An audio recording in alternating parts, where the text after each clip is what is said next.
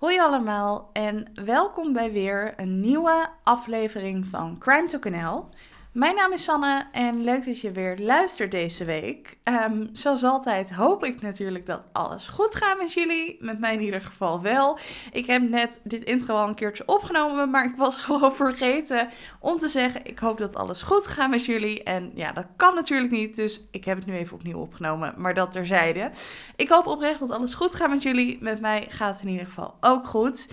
Um, vorige week heb ik het natuurlijk al even benoemd, maar eigenlijk is vandaag de aflevering van vandaag een soort van deel 2 van de moorden in Budel. Ik um, vertelde vorige week al de moord op Wies Hensen.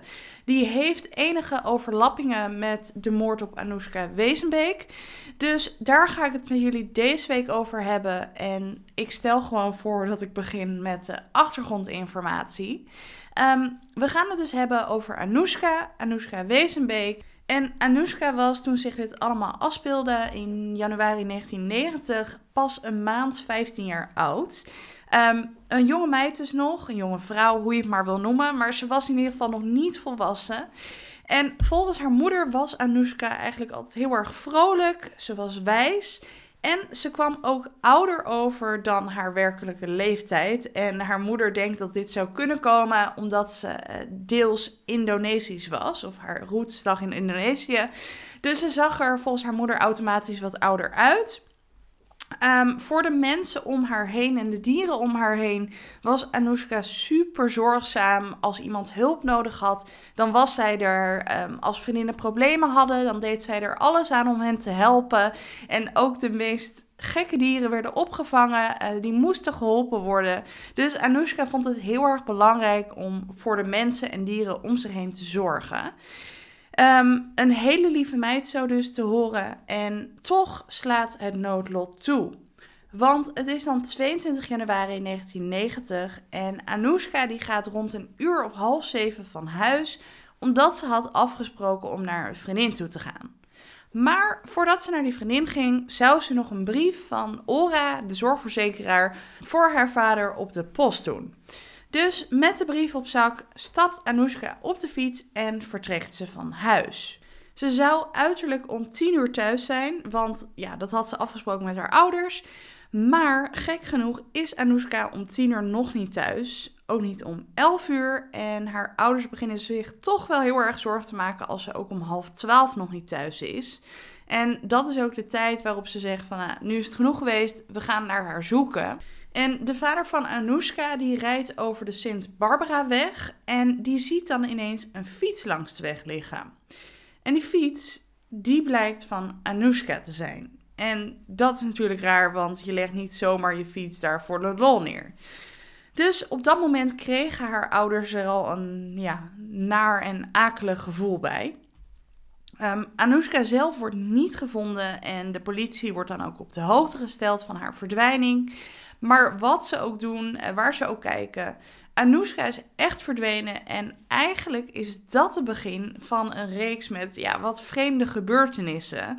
Want rare dingen die zijn er absoluut in het verhaal van Anoushka. Anoushka die was pas twee dagen vermist en op dat moment was haar vermissing, verdwijning ook niet echt heel publiekelijk openbaar gemaakt. Er waren natuurlijk wel mensen op de hoogte, maar het was niet zo dat het in de krant had gestaan of dat er superveel mensen vanaf wisten. Maar toch gebeurt er wat raars. Um, op de huistelefoon van een journalist van dagblad De Limburger wordt er namelijk gebeld. Um, de journalist zelf die was niet thuis, maar zijn schoonmaakster was er wel, want die was gewoon aan het werk. En zij neemt uiteindelijk de telefoon op. En aan de telefoon hoort zij een man met een Brabants accent die naar de journalist vraagt die daar dus woonde. Dus die schoonmaakster die geeft aan dat hij er niet is. En dan zegt de man tegen haar dat hij zijn ex-vriendin heeft vermoord. En dat hij haar in het kanaal heeft gegooid. De Zuid-Willemsvaart in Dorplein. En laat dat nou net het gedeelte van Budel zijn waar Anoushka woont. Nou ja, heel erg raar. Die man hangt op. Die schoonmaakster vindt het een raar verhaal. En diezelfde dag gaat de schoonmaakster ook nog met het verhaal met het telefoontje naar de politie om te vertellen dat het zo gek was. En nogmaals, niemand wist op dat moment nog verder publiekelijk dat Anoushka vermist was. De politie wist dus wel dat Anoushka vermist was. En het telefoontje wekte natuurlijk wel zorgen op. Maar op dat moment deden ze er nog niet heel veel mee, omdat Anoushka vermist was en nog niet gevonden of heel lang vermist was. Dus het werd opgenomen, maar dat was het dan ook. Diezelfde dag, dus de dag dat de schoonmaakster ook naar de politie was gegaan, gaat ook een vriendin van Anoushka naar de politie. En ik had dit al natuurlijk even kort aangestipt in de aflevering van vorige week. Maar Anoushka die zou dus een anonieme brief naar de politie hebben gestuurd. Waarin zij de plaatselijke kroegbaas aanwijst als dader van de moord op Wies Hensen. Was een hele lange zin. Maar Anoushka zou dus een brief hebben gestuurd waarin zij de dader aanwijst van de moord op Wies. En dit komt de politie dus te weten omdat een vriendin van Anoushka dit vermeldt aan de politie. Ze vertelde namelijk dat Anoushka bij haar thuis, dus bij die vriendin thuis, de brief op de computer had getypt met handschoenen aan, zo anoniem dus. En wat nou zo merkwaardig was, was dat de schrijver van de brief, Anoushka dus, schreef dat ze anoniem moest blijven. Want als er uit zou komen dat zij zou hebben gepraat, dan zou ze vermoord worden. Nou ja, een best bizar iets dus als je bedenkt dat Anoushka een paar maanden later zomaar verdwijnt. Verder had Anoushka daarnaast ook een relatie gehad met de stiefzoon van die kroegbaas. En die stiefzoon die had een gedeeltelijke bekentenis afgelegd in de zaak van Wies. Achteraf gezien bleek die bekentenis niet te kloppen, maar alles bij elkaar is dus wel heel erg raar. Helemaal als je dus bedenkt van, nou ja, Anoushka die had dus een relatie met die uh, stiefzoon van die kroegbaas. Die stiefzoon van die kroegbaas, die heeft een, achteraf bleek dus niet kloppende bekentenis gedaan in de zaak van Wies Hensen. Anoushka schrijft die brief en ze verdwijnt vervolgens. Dat is gewoon vreemd.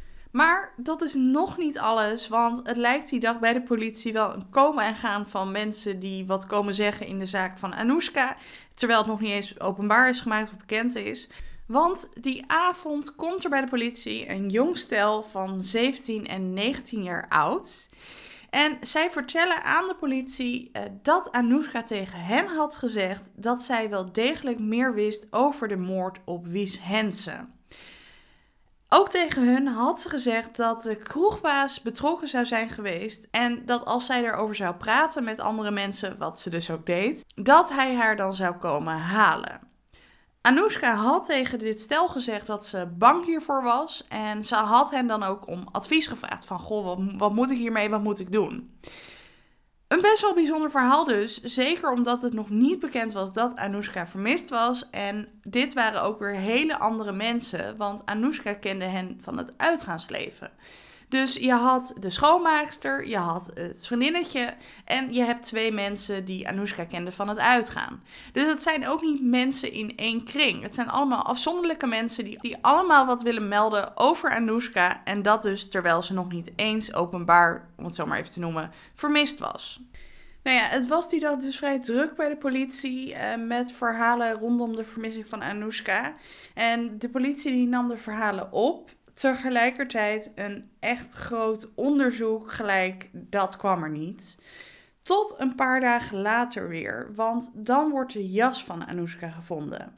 Hij was opengescheurd en dat terwijl hij echt gloednieuw was, had hem echt net nieuw. Dus het kan niet zo zijn dat hij al helemaal kapot was vanzelf. En de ouders van Anoushka hadden toen haar jas gevonden werd eigenlijk ook gelijk het besef van er is echt iets heel ergs gebeurd. En ze hadden eigenlijk ook toen op dat moment al het vermoeden dat Anoushka niet langer meer in leven was. Ehm, ze waren ook niet de enige die dat dachten. Want inmiddels was de verdwijning van Anoushka ook meer in de media geweest. En steeds meer mensen wisten er dus vanaf in Budel en in omstreken. En iedereen was ervan overtuigd dat er echt sprake moest zijn van een misdrijf. Maar ja, een lichaam was nog niet gevonden. Die was er niet. Ze hadden alleen maar haar fiets en haar jas. Maar van Anoushka zelf ontbrak dus nog altijd ieder spoor, helaas. Ehm, er kwamen op dat moment wel zoekacties, maar telkens nog zonder resultaat. Maar uiteindelijk komt er een einde aan alle onzekerheid. Want een schipper ziet op 12 februari, echt precies drie weken na haar verdwijning, haar lichaam boven komen drijven in de buurt van Sluis 16 van de Zuid-Willemsvaart bij Weert. Nou ja, er volgt al snel een onderzoek en uit onderzoek blijkt dat Anoushka om het leven is gekomen door verdrinking. Heel heftig natuurlijk, want dat betekent ook dat er iets heel naars is gebeurd, net als wat steeds meer mensen gingen denken dus. Nou, er kwam snel een onderzoek, want dit moest natuurlijk opgehelderd worden. En de politie heeft toen een soort van folders verspreid bij inwoners van Budel. Met daarop allerlei vragen in de hoop dat mensen iets konden vertellen over wat ze hadden gezien of wat hen was opgevallen. En al snel kwamen er mensen met um, nou ja, interessante informatie. Want zo zijn er meerdere mensen die Anoushka die avond hebben zien fietsen. En er zijn ook een hele hoop mensen die die avond uh, opvallend vaak een bruine Opel Record zagen rijden. De bestuurder van die Opel zou Anoushka hebben aangesproken. En daarnaast waren er ook mensen die een stel hadden zien zoenen. Wie zou dat stel zijn geweest? Nou, er zijn meerdere mensen die zeggen dat dat stel Anoushka was, samen met die bestuurder van die Opel Record. Best wel apart. Um, daarnaast zijn er rond 8 uur verschillende mensen die gegeel hebben gehoord. En even later was er ook een hardloper geweest die bijna over een fiets was gestruikeld. Op ongeveer 100 meter afstand van waar mensen het zoenende stel hadden gezien. Dat bleek natuurlijk te gaan om de fiets van Anoushka. En op dat moment lag de fiets aan de andere kant van de weg. Dus dat was al gek. Um, daarnaast hebben meerdere mensen gemeld dat zij opvallend rijgedrag van een Opel Record zagen die avond. En daarna ook nog dat een Opel Record rond kwart voor tien aan de overkant van het water stilstond. En dat vonden mensen raar, want waarom zou je daar zo random stil gaan staan? Dus dat was mensen opgevallen. En het was dus ook opvallend voor de politie, want als er zoveel verschillende mensen dezelfde informatie geven en dat zoveel mensen dat dus was opgevallen, dan moet er dus eigenlijk wel iets mee zijn. Dus ja, wie is de bestuurder van deze Opel Record? Dat wilde de politie natuurlijk maar al te graag weten, aangezien er zoveel mensen waren die over de auto en de bestuurder spraken. Nou ja, en die bestuurder van de Opel, dat was Patrick. En de politie is erachter gekomen door het onderzoeken van Anoushka haar eigen schoolagenda. Want in de weken voor haar dood had ze meerdere keren dates gehad met Patrick, die vier jaar ouder was en daardoor dus ook auto kon rijden. En wat nou het bizarre is, Patrick is de man die met zijn vriendin naar politiebureau is gegaan met het verhaal dat zij Anoushka kende en dat Anoushka bang was dat de kroegbaas haar zou vermoorden als ze zou praten. Zoals ik zei was dat een stel van 19 en 17 en Patrick was dus degene die 19 was. Hij had dus een vriendin en toen ze naar de politie gingen om het verhaal te vertellen, heeft hij dus ook niet erbij vermeld dat hij een affaire had met Anoushka. Hij is om deze reden ook vlak hierna gehoord. En hij gaf tijdens de verhoren aan dat hij inderdaad een affaire had met Anoushka. En dat hij dit niet eerder aan de politie had vermeld, omdat hij dus bang was dat zijn echte officiële vriendin achter hun affaire zou komen. Daarnaast vertelde hij ook nog eens dat uh, op het moment dat Anoushka verdween, dat ze geen daadwerkelijke affaire meer hadden. Hij zou namelijk zelf degene zijn geweest die er een punt achter had gezet. En dit kwam omdat, dat zegt hij, hè, dat is niet iets wat vaststaat. Maar hij zei dat Anoushka zou hebben opgeschept over het aantal jongens die ze zou hebben gehad. En om die reden zou Patrick op haar zijn afgeknapt. Volgens hem zouden ze elkaar daarna ook helemaal niet meer hebben gezien. En dus ook zeker niet op de avond van de verdwijning van Anoushka. Tegelijkertijd, hij had geen waterdicht alibi voor die avond dat Anoushka verdween. En uiteindelijk wordt hij ook officieel aangehouden als verdachte.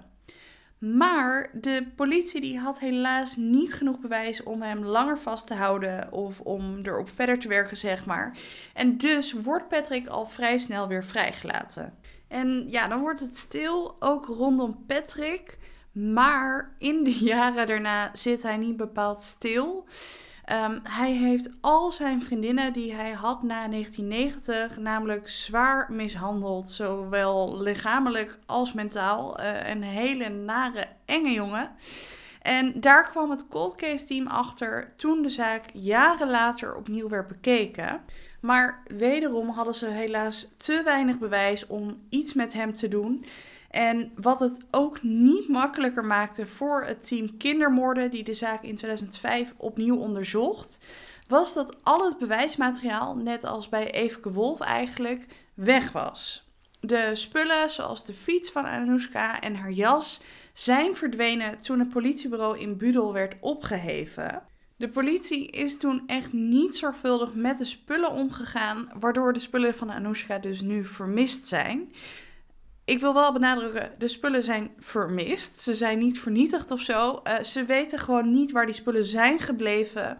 En het zou best wel kunnen dat die spullen ooit nog boven water komen. Maar ja, uh, het is natuurlijk wel knap onhandig en slordig om op deze manier met bewijs om te gaan van een niet opgeloste zaak.